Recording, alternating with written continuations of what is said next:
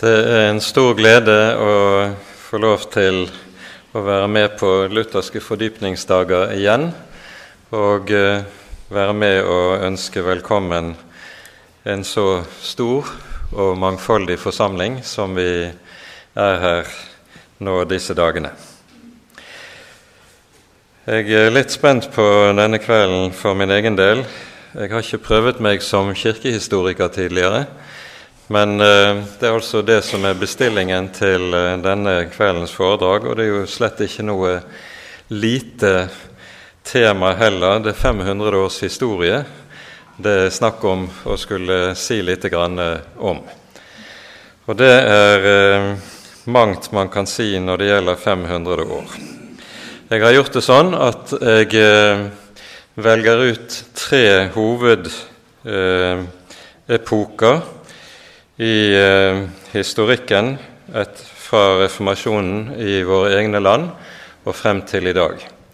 Det ene er selve reformasjonen og innføringen av reformasjonen i Danmark-Norge.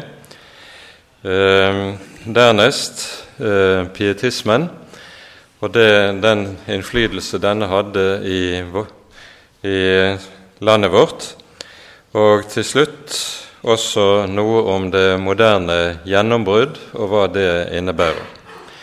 Det er uendelig mye annet man også kunne ta tak i og si en del om, men eh, jeg har valgt med hård hånd å begrense meg til disse tre områdene eh, i det vi her står overfor kanskje de tre mest eh, avgjørende strømdragene som vi har med å gjøre i vårt eget norske kirke- og kristenliv. Reformasjonen ble innført i Danmark-Norge i 1537. Dette skjer etter at Kristian 3. kom på tronen i Danmark året før, 1536. Eh, da hadde det vært borgerkrigstilstand i Danmark i to-tre år. Den såkalte grevefeiden ble avsluttet ved at Kristian gikk av med seieren og ble godkjent som konge i Danmark eh, av Riksrådet, eller Riksforsamlingen. Sammen med godkjenningen av Kristian 3. som konge så var det også en godkjenning av at Kirken i Danmark-Norge skulle innføre den lutherske reformasjon. Og Dette var for eh, kong Kristian et dypt personlig anliggende. Han hadde i 1521 vært til stede under riksdagen i Worms og der hørt Luthers vitnesbyrd. Kristian var bare 18 år gammel ved den anledning. Men Luther gjorde et så dypt inntrykk på Kristian eh, at han fra den dagen av var dypt overbevist lutheraner. Så når han kommer til makten, så vet alle at eh, med dette så får Danmark-Norge en luthersk konge som eh, også i Norge, og ikke minst i Bergen, hadde det allerede også i Danmark vært en god del lutherske predikanter som eh, forkynte evangelisk-luthersk tro i, gjennom flere år. I, en av de viktigste i Danmark var Hans Tausen, som eh, kong Kristian også drar inn i rådslagningen rundt en ny lov for eh, den luthersk kirke i Danmark-Norge, en lov som får navnet kirke, kirkeordinansen. Og Allerede like over nyttår i 1537 starter kong Kristian arbeidet med kirkeordinansen. Han nedsetter en, et utvalg. Hans Tausen er bl.a. med der. Og han selv tar personlig del i dette arbeidet fordi han er så personlig engasjert i denne saken. Eh, disse kommer med et utkast som sendes til Wittenberg. eh, for at de lærde menn i Wittenberg skal uttale seg. Og på forespørsel av kong Kristian så kommer Johannes Bogenhagen, som var sogneprest i Wittenberg, til København 6. Eh, juli 1537. Og Han går i gang med en revisjon av utkastet som var utferdiget av eh, eh, kommisjonen til kong Kristian. Eh, og når det er Bogenhagen som tilkalles, så er årsaken til det at han har stått for nyordning av eh, lutherske kirker i hele Nord-Tyskland, en rekke tyske byer er det han som har stått for ordningen av eh, en luthersk kirke. Sammen med Bogenhagen kommer flere både jurister og teologer, og ikke minst også en mann som kommer til å bli meget viktig, Peder Palladius. Han var dansk, hadde studert teologi i Wittenberg og også tatt doktorgraden der. Og han blir også den første lutherske biskop i eh, den lutherske kirke i Danmark-Norge. Kirkeordinansen den eh, trer i kraft og blir formelt innført som lov søndag 2. september dette året. Dette, denne søndagen ble Peder Palladius også ordinert til den første lutherske biskop, men eh, bispebetegnelsen faller bort, og i stedet blir navnet på biskoper i Den lutherske kirke i Danmark-Norge superintendenter.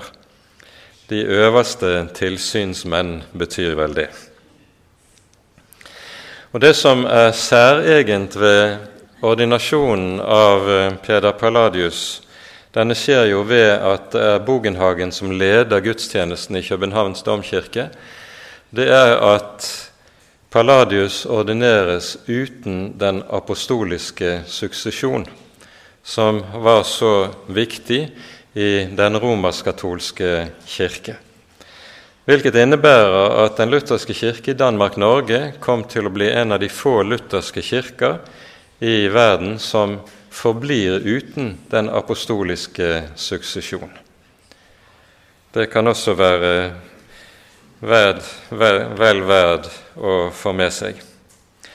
Kirkeordinansen til denne så skriver eh, kong Kristian selv en fortale der han redegjør for eh, reformasjonsverkets nødvendighet, og har også en liten personlig bemerkning. Eh, det kan være verdt å gjøre oppmerksom på at i år er det kommet ut en ny utgave av kirkeordinansen på norsk ved Terje Ellingsen.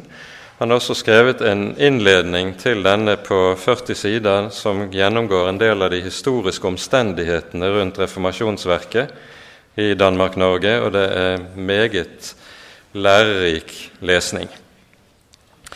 Her i fortalen skriver kong Kristian bl.a. følgende.: For at man ikke skal mene at vi i dette ene og alene har brukt annen manns skjønn, altså fordi de har invitert inn lærde menn fra Tyskland, da bekjenner vi med stor takknemlighet at Gud av sin godhet har gitt også oss, nemlig kongen, noen forstand i det hellige evangelium.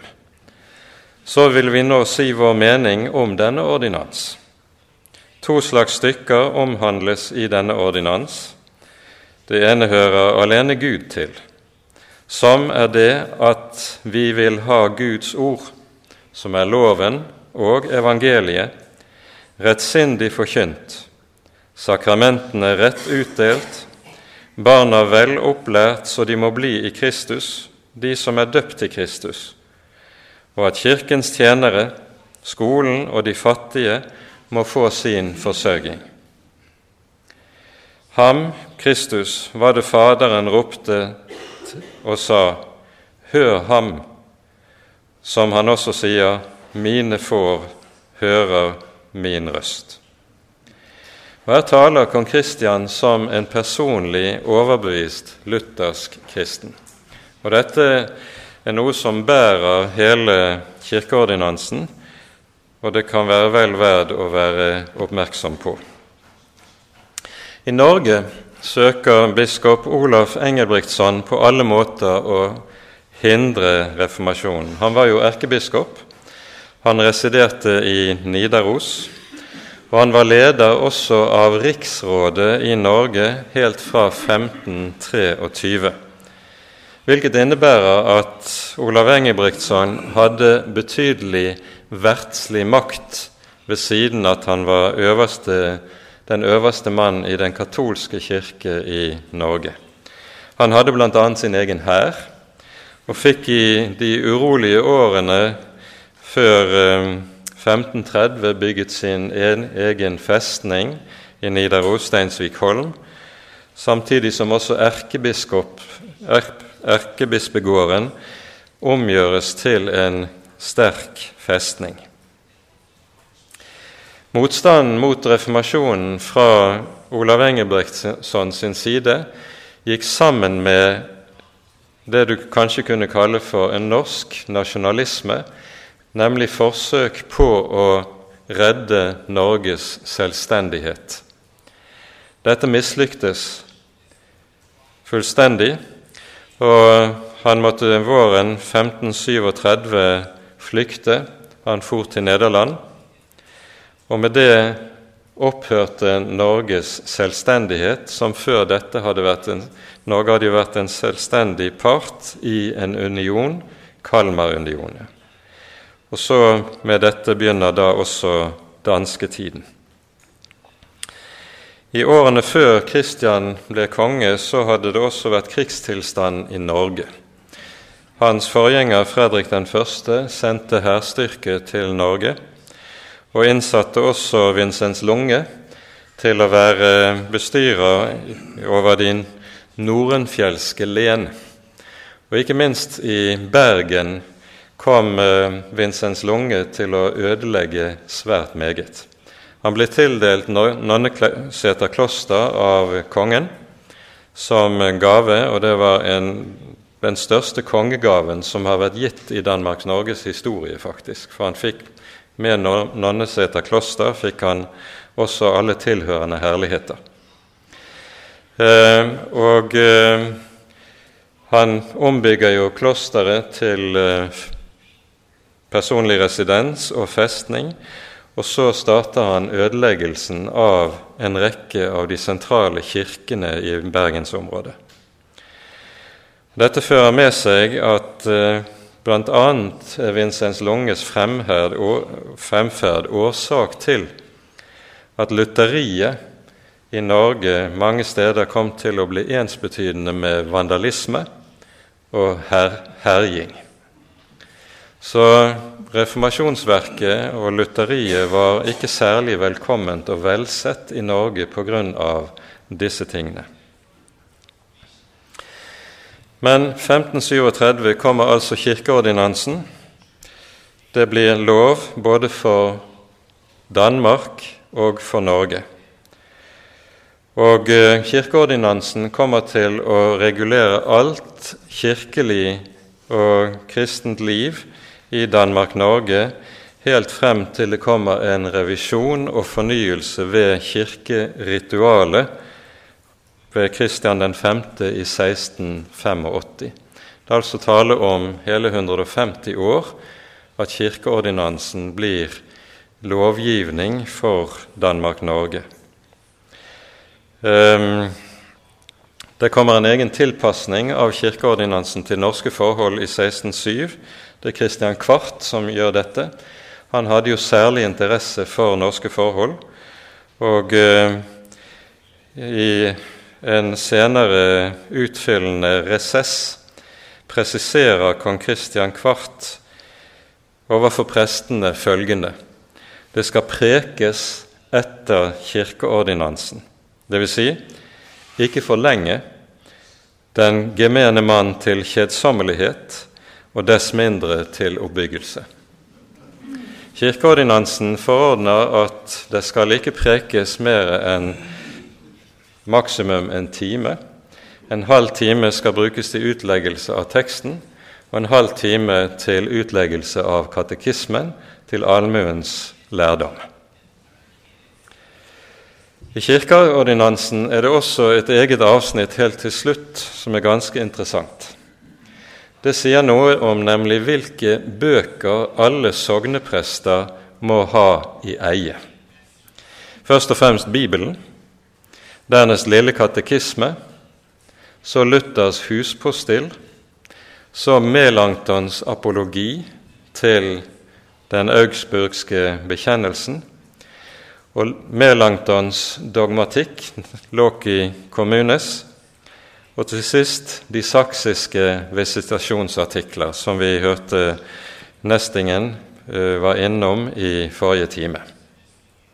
Det er interessant å legge merke til at Augustana, den augsburgske bekjennelsen, inngår ikke i de bøker som alle sogneprester var forutsett å ha i eie og kjenne. Dette henger sammen med at Augustana fikk kirkerettslig status senere. Først med religionsfreden i Augsburg i 1555 er det at Augustana kommer inn eh, i lovgivningen i Tyskland og får kirkerettslig status. Og derfra kommer Augustana også til å få samme status i andre lutherske land. Det er også kanskje et interessant historisk faktum. Det kirkeordinansen gjør, det er at den gir en nyordning av alt gudstjenesteliv i eh, Danmark-Norge. Eh, Og det innebærer både fysisk ombygging av kirkene, helgenbilder og helgenfigurer skal ut, helgentilbedelsen og bønnene skal ut, eh, og det blir en renset messe. Og Den gudstjeneste som innføres i Danmark-Norge, er en gudstjenesteordning som er formet etter mønster av Luthers Deutsche Messe fra 1525. Hos oss får denne gudstjenesten benevnelsen Salmemessen, fordi det er slik at den ikke er bygget opp som gudstjenestene som vi er kjent med, med de faste liturgiske ledd, men i stedet har Luther omdiktet hvert enkelt av de liturgiske ledd til metriske salmer. Det gjelder både Kyrie, det gjelder Gloria-leddet, eh, det gjelder trosbekjennelsen, det gjelder Sanctus og Agnus Dei under eh, nadværfeiringen. Alle disse leddene er omdiktet til metriske salmer så man ikke hadde den typen liturgi som vi er fortrolig med.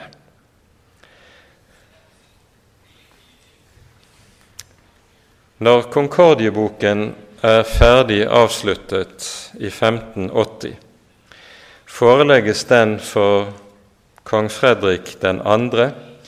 Det skjer sommeren 1580. Og eh, fordi eh, Eh, filippismen, dette hørte vi også Nestingen var innom i sitt foredrag, var, hadde fått sterkt fotfeste i Danmark og i København, så ville kongen slett ikke vite noe av Konkordieboken. Anekdoten forteller at han kastet den på ilden fordi han slett kongen hadde fått nok av teologenes raseri. Eh, det innebærer at Danmark-Norges lutherske kirke er en av de få lutherske kirker i verden som ikke har Konkordieboken i sin helhet som grunnleggende del av sin bekjennelse.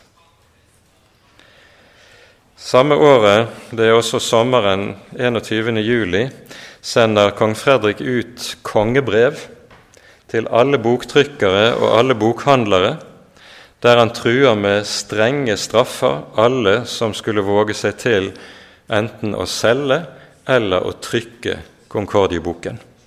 Det var truet med tukthus og eh, videreformidle denne. Likevel går det relativt kort tid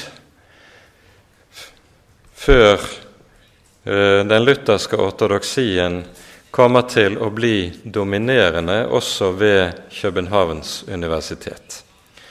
Og det er den lutherske ortodoksi som kommer til å prege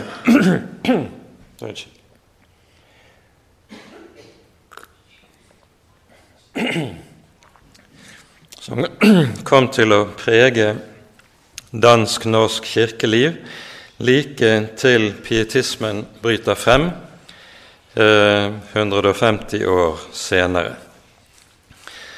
Fotsporene etter ortodoksien har vi ikke minst i salmediktningen vår. Både Thomas Kingo i Danmark og Petter Dass i Norge er ortodoksiens salmediktere. Og det er vel verd å legge merke til deres betydning i eh, i våre kirker. Pietismen kommer vi så frem til. Den eh, bryter frem for fullt i Danmark-Norge med Kristian den femtes, unnskyld, Kristian den sjettes kongetid. Han kommer på tronen i 1730, regjerer i 16 år, og mye av hans personlige liv eh, handler om en kraftig reaksjon på farens, Fredrik 4.s, særdeles lettferdige ekteskapelige forhold. Kongen, kong Fredrik 4., hadde, som skikken var, giftet seg med en fyrste, fyrste av fyrsteett, men dette var en dame han ikke elsket denne dronningen, og derfor tok han seg en hustru nummer to til venstre hånd. Han levde altså i bigami. Eh, og eh, dette var noe som eh, Christian, sønnen Kristian reagerte meget sterkt på. Og Kristian den sjette blir den som innfører statspietismen i Danmark-Norge. I Danmark-Norge er det halvpietismen som kommer til å bli den retning som setter fotavtrykk. Man taler jo gjerne om at pietismen eh, har tre hovedretninger. Eh, det er halvpietismen, der eh, Franke er den sentrale skikkelsen. Dernest har du Würtemberg-pietismen. Eh, det er denne som kommer til å få innpass i Sverige og Finland. Og Würtemberg-pietismen er på en helt annen måte kirkelig enn halvpietismen. Til slutt har du også radikalpietismen, som i liten grad får gjennomslag i våre land. Eh, vi behøver ikke si veldig mye om det. Men kong Kristian innfører på løpende bånd en rekke lover som gjør statspietismen til noe som kommer til å gjennomsyre samfunnet dypt. I 1735 kommer det som kalles for sabbatsloven. Sabbatsloven forordner at hver innbygger i riket skal gå til gudstjeneste hver søndag. Og det å ikke gjøre så medførte bot, og hvis det gjentok seg, kunne en risikere tukthus eller landsforvisning.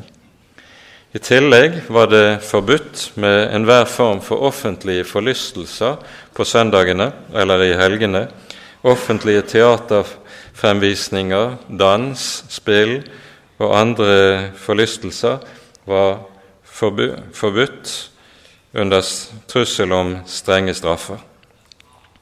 Året etter kommer lov om konfirmasjon. Ehm, og Her forordnes det at alle landets innbyggere skal konfirmeres. Og den som ikke er konfirmert, han får ikke tillatelse til å inngå ekteskap. Han får ikke lov til å gjøre krigstjeneste. Han får ikke lov til å starte selvstendig næring. En rekke forhold.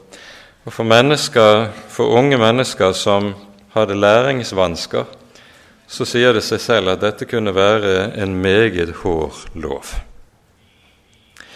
I 1537 kommer så Pontoppidans katekisme forklaring.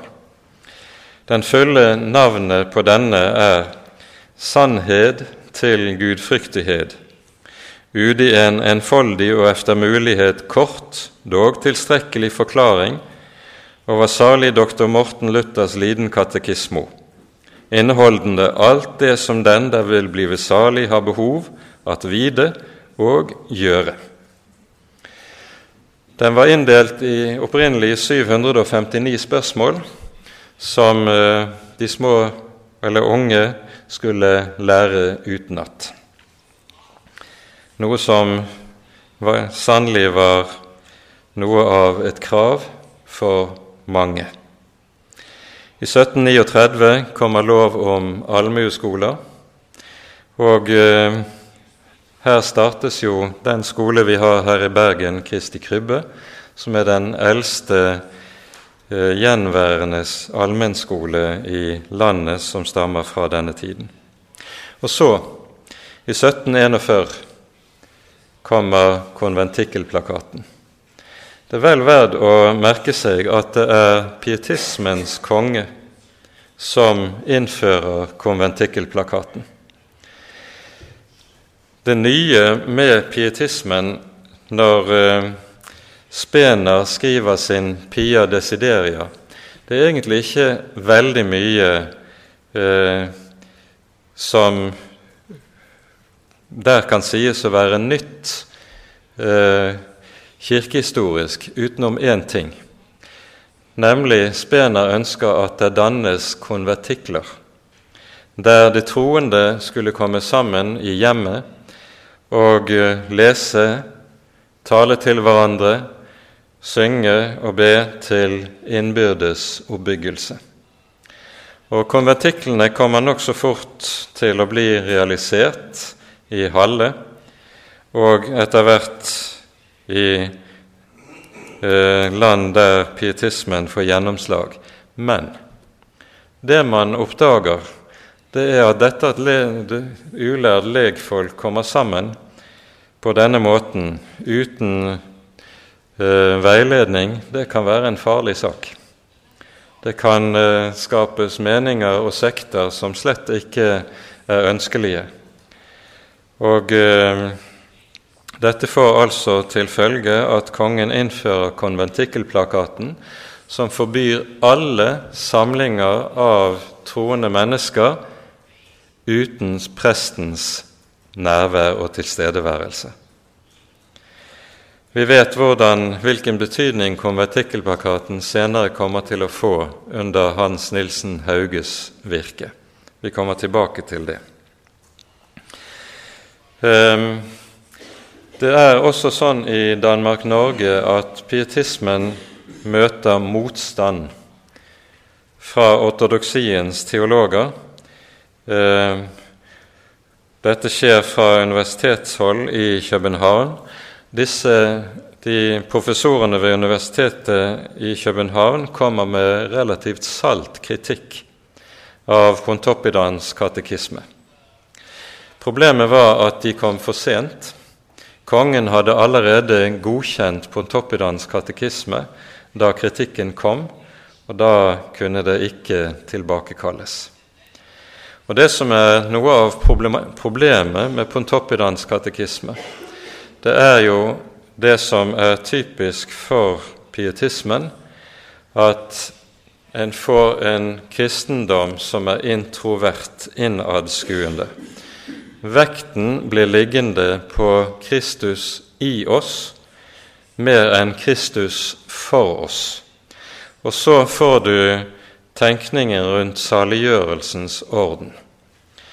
Saliggjørelsens orden, det var noe som allerede ortodoksiens teologer hadde talt en del om.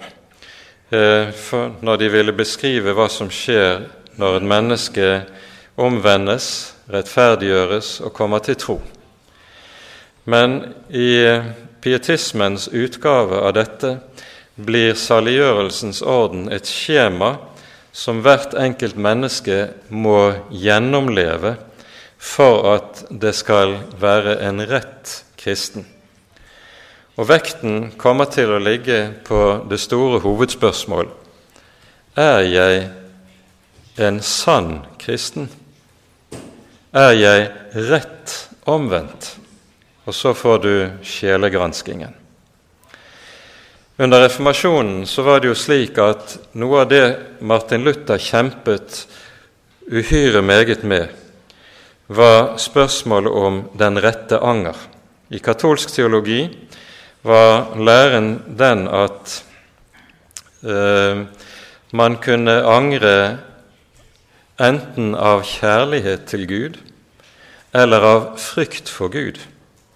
Og den anger som berettiget til synsforlatelse, til absolusjon, det, den rette anger, det var angeren som var av kjærlighet til Gud. Men den stakkars arme Luther, han klarte ikke å angre rett. Han, klarte, han var så livende redd for Gud og for Guds dom. Og fordi han aldri klarte å angre rett, så klarte han heller aldri å tro at Gud ville være ham nådig. Denne måten å tenke på er det som dukker opp igjen i pietismens eh, måte å tenke om saliggjørelsens orden. Er jeg rett omvendt? Har jeg angret rett? Tror jeg rett? Er det rette frukter? Og så føres den stakkar som kommer inn i dette, inn i en veldig anfektelse og sjeleangst. Eh, hos flere av de pietistiske fedre sies det meget tydelig, like som det var i katolsk teologi, at det å ha frelsesvisshet, det var noe som var illegitimt og usunt for troen. Eh, derfor eh, kommer det inn igjen i den lutherske tradisjon som Luther kaller for monstrum incertitudinis, uvisshetens monster. Det at et menneske aldri kan være trygg på å eie Guds nåde, aldri kan hvile i barnekåret, aldri kan ha trygghet selv på dødsleiet for at jeg står i nåde hos Gud, mine synder er tilgitt. For alt handler om det introspektive. Har jeg nå en rett tro? Er min anger og min omvendelse sann og rett? Og ser du på ditt eget hjerte, så vil du alltid se det som er galt. Poenget er jo at frelsesvisshet, slik luthersk tenkning og forkynnelse alltid har lært det, det er noe som hviler på noe utenfor deg selv, på hva Kristus har gjort, og på Guds løfte i Kristus. Et løfte som er gitt ubetinget, ikke betinget av at jeg har det rett. For den som blir fanget av denne introspektive måten å tenke på, så blir det uvegerlig slik at jeg må innrømme at jeg har det alltid galt på gal måte. Hadde jeg nå hatt det galt på rett måte, så var det håp. Men jeg har det alltid galt på gal måte. Og så kommer uvisshetens monster inn. Dette er en del av pietismen som kommer til å prege eh, denne delen av tradisjonen i landet vårt eh, like opp til våre dager.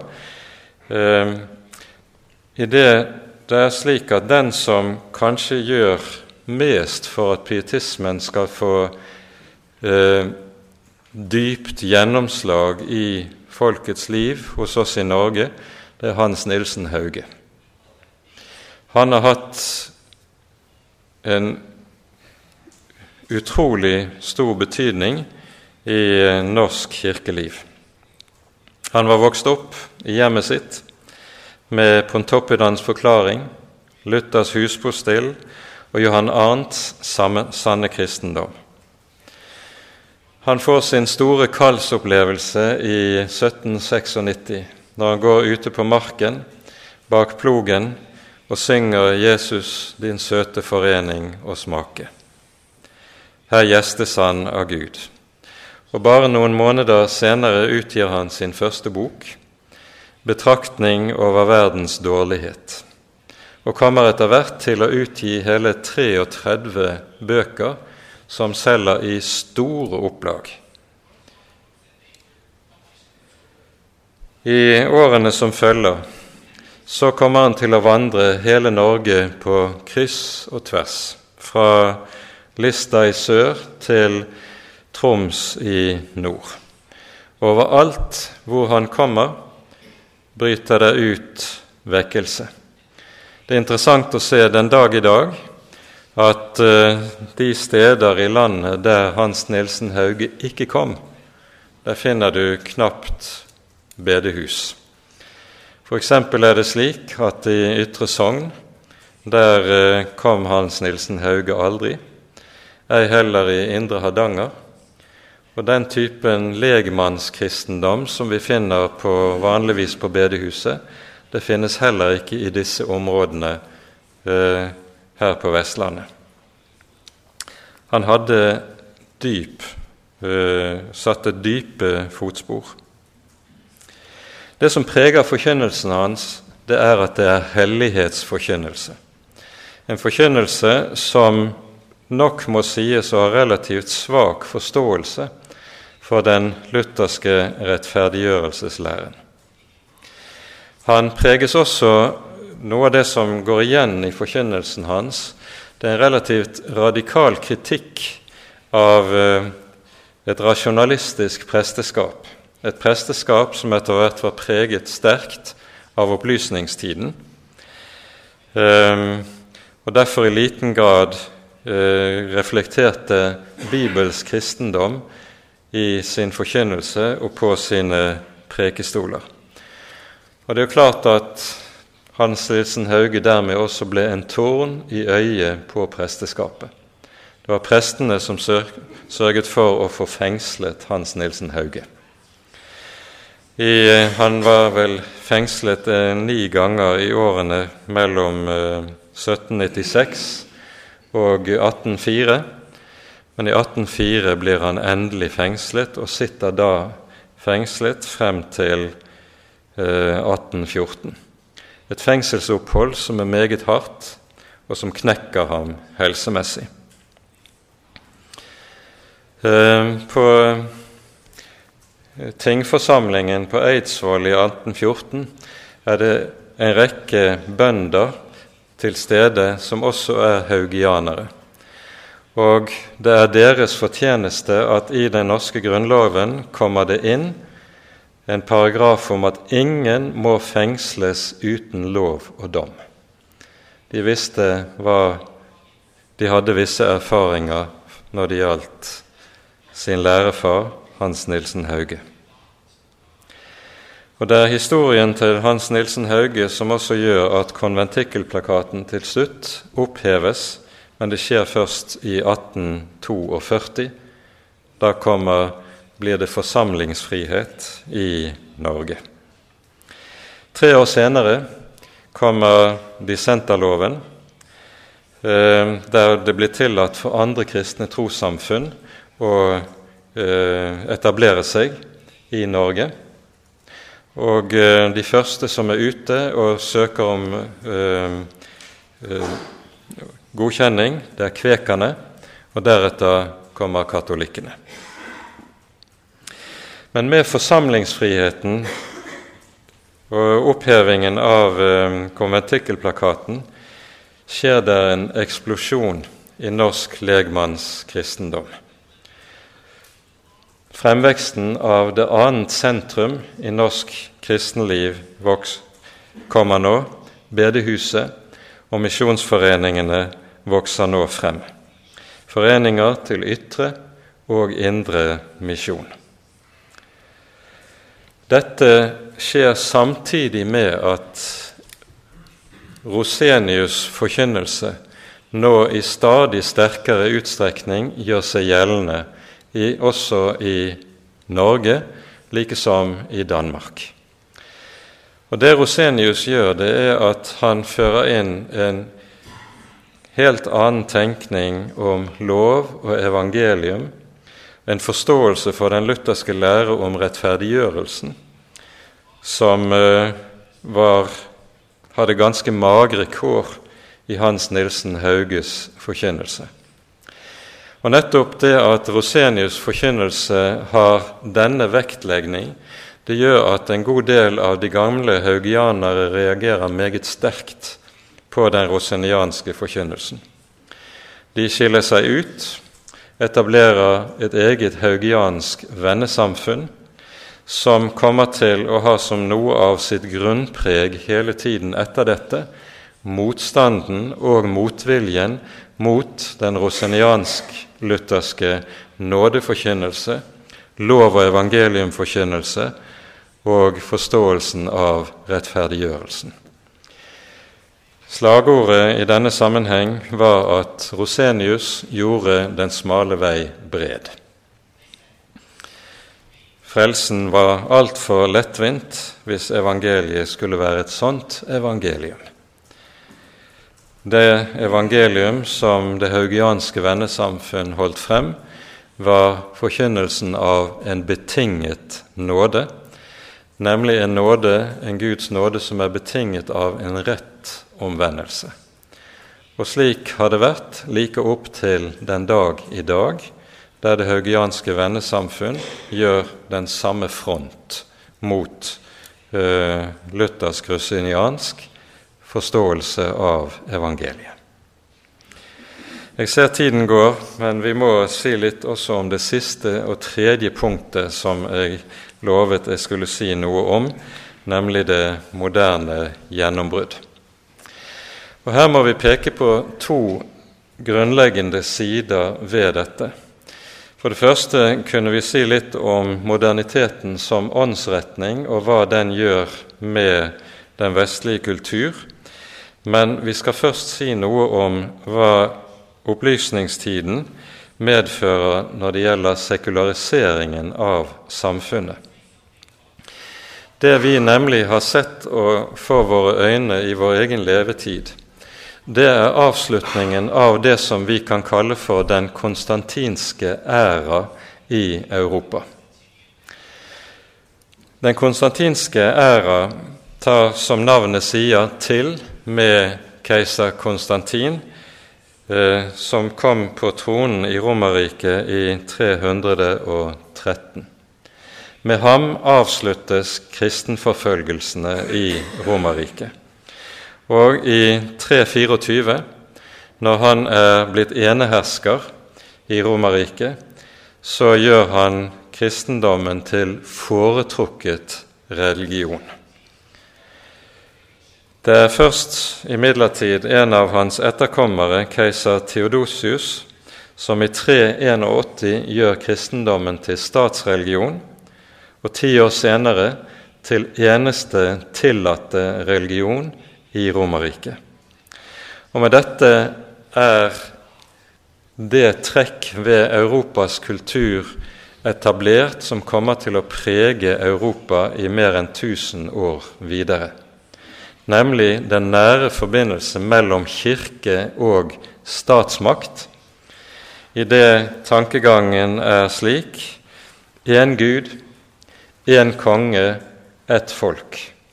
Det å høre til folket i et europeisk land var ensbetydende med å høre til Den kristne kirke. Uansett hvilket land man var i, så var det å høre til folket og høre til Kirken var én og samme sak. Det er dette som preger det vi kaller for den konstantinske periode.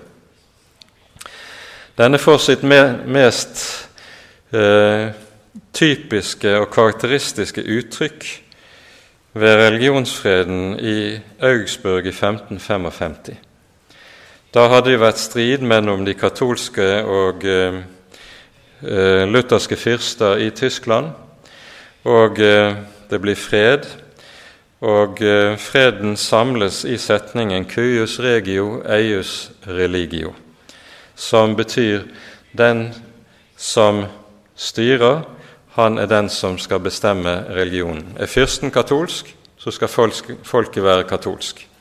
Og Vil man ikke bekjenne seg til den katolske tro, så må en vær så god dra i landflyktighet. Er fyrsten luthersk, så skal folket være luthersk. Slik ble Europa ordnet etter dette. Og Det er nå altså at Augustana får rettslig status i de lutherske land. De lutherske land i Norden er antagelig de land i eh, Europa der forbindelsen mellom kongemakt og kirke historisk sett har vært aller tettest. Eh, Oskar Skarshaugne bruker uttrykket at vi har verdensrekord i statskirkelighet i eh, eh, våre land. Og Konkret betydde jo det, hvis du ser på folkelivet, at presten han var også kongens embetsmann. Eh, og etter lovgivningen som fulgte etter innføringen av eneveldet i 1660, hadde presten fullmakt til ikke bare å ilegge mennesker det lille bann, som er utelukkelse fra nadværbordet i forbindelse med kirketukt, men også det store bann, altså dømme mennesker til landflyktighet.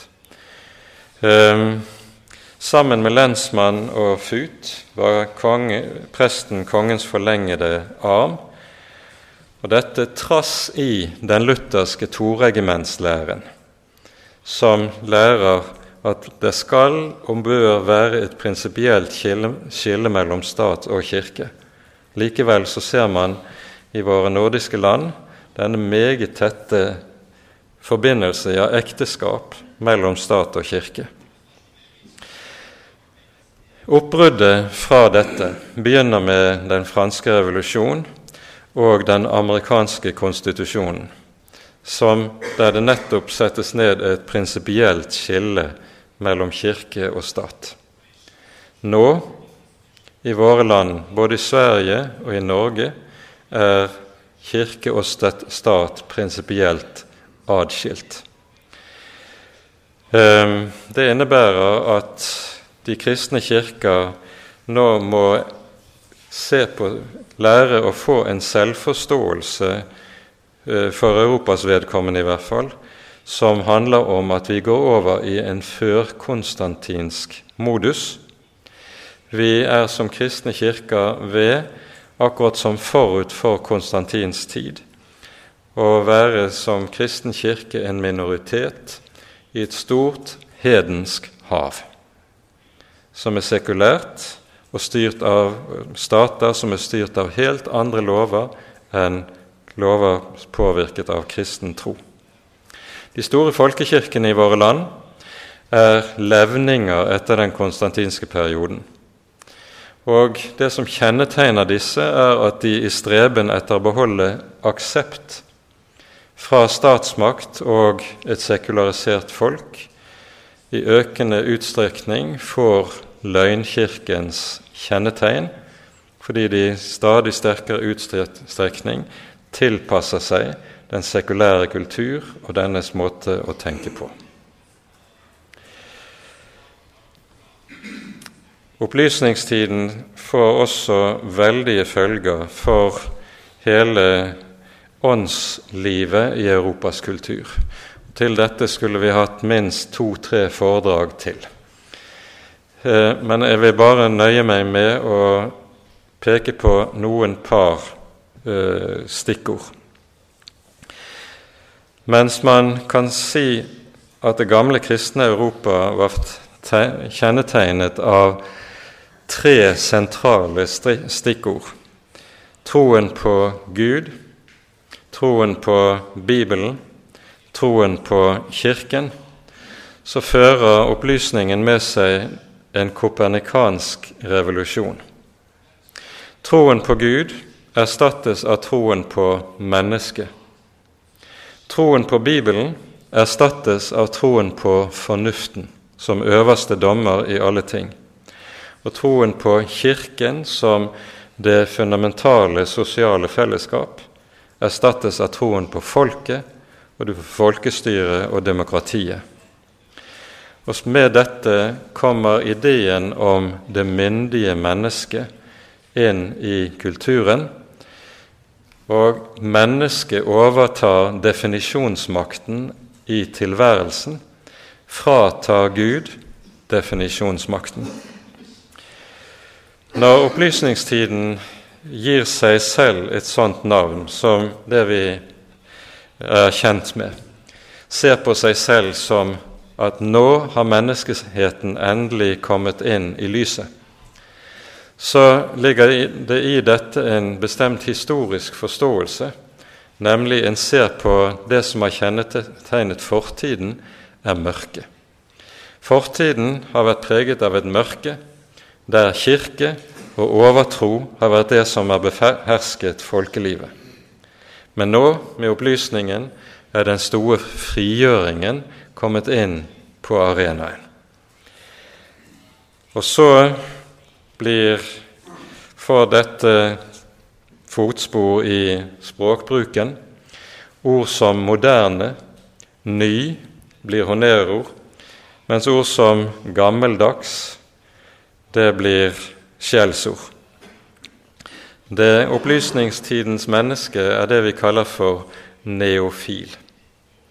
Det elsker alt som er nytt, mens alt som er gammelt, det ses på med mistro og forakt. Det som skjer parallelt med dette, er at i teologien så blir det ikke lenger Guds Gud og åpenbaringen av Herren i Den hellige Skrift som er teologiens objekt.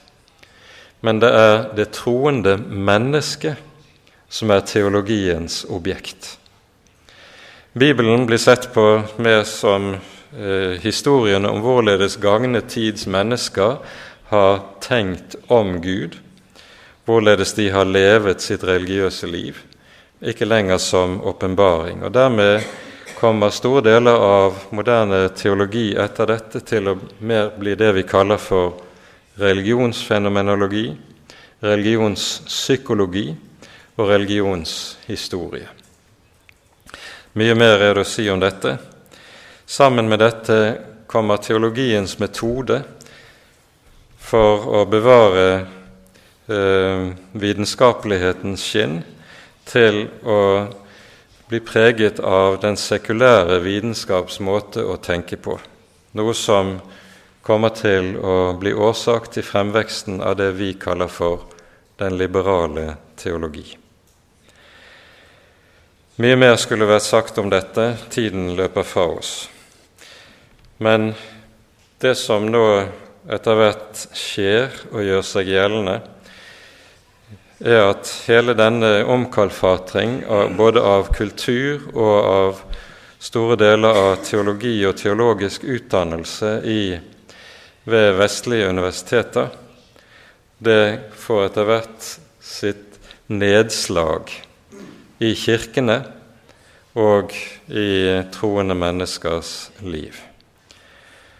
Det moderne mennesket er karakterisert med tanke på sin religiøsitet allerede av den amerikanske teologen Reinhold Niebuhr i mellomkrigstiden som følger.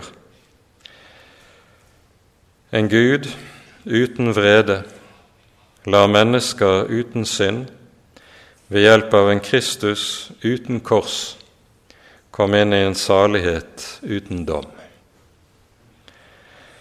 Det er meget treffende sagt allerede for 70-80 år tilbake. Og eh, vi ser denne måte å tenke, tro og forkynne på preger i stor, stor utstrekning i dag det som er forkynnelsen i folkekirkene. Dette representerer en veldig utfordring for evangelisk luthersk tro, både til teologisk besinnelse og besinnelse på hva det vil si å være motkultur i en kultur som mer og mer blir en hedensk kultur, og i forhold til de store historiske kirkene som i økende utstrekning legger mil av avstand til åpenbaringen i Den hellige skrift. Jeg tror at vi med dette er nødt til å sette punktum for ikke å dra det altfor mye i lang dag. Takk for tålmodighet. Takk for oppmerksomhet.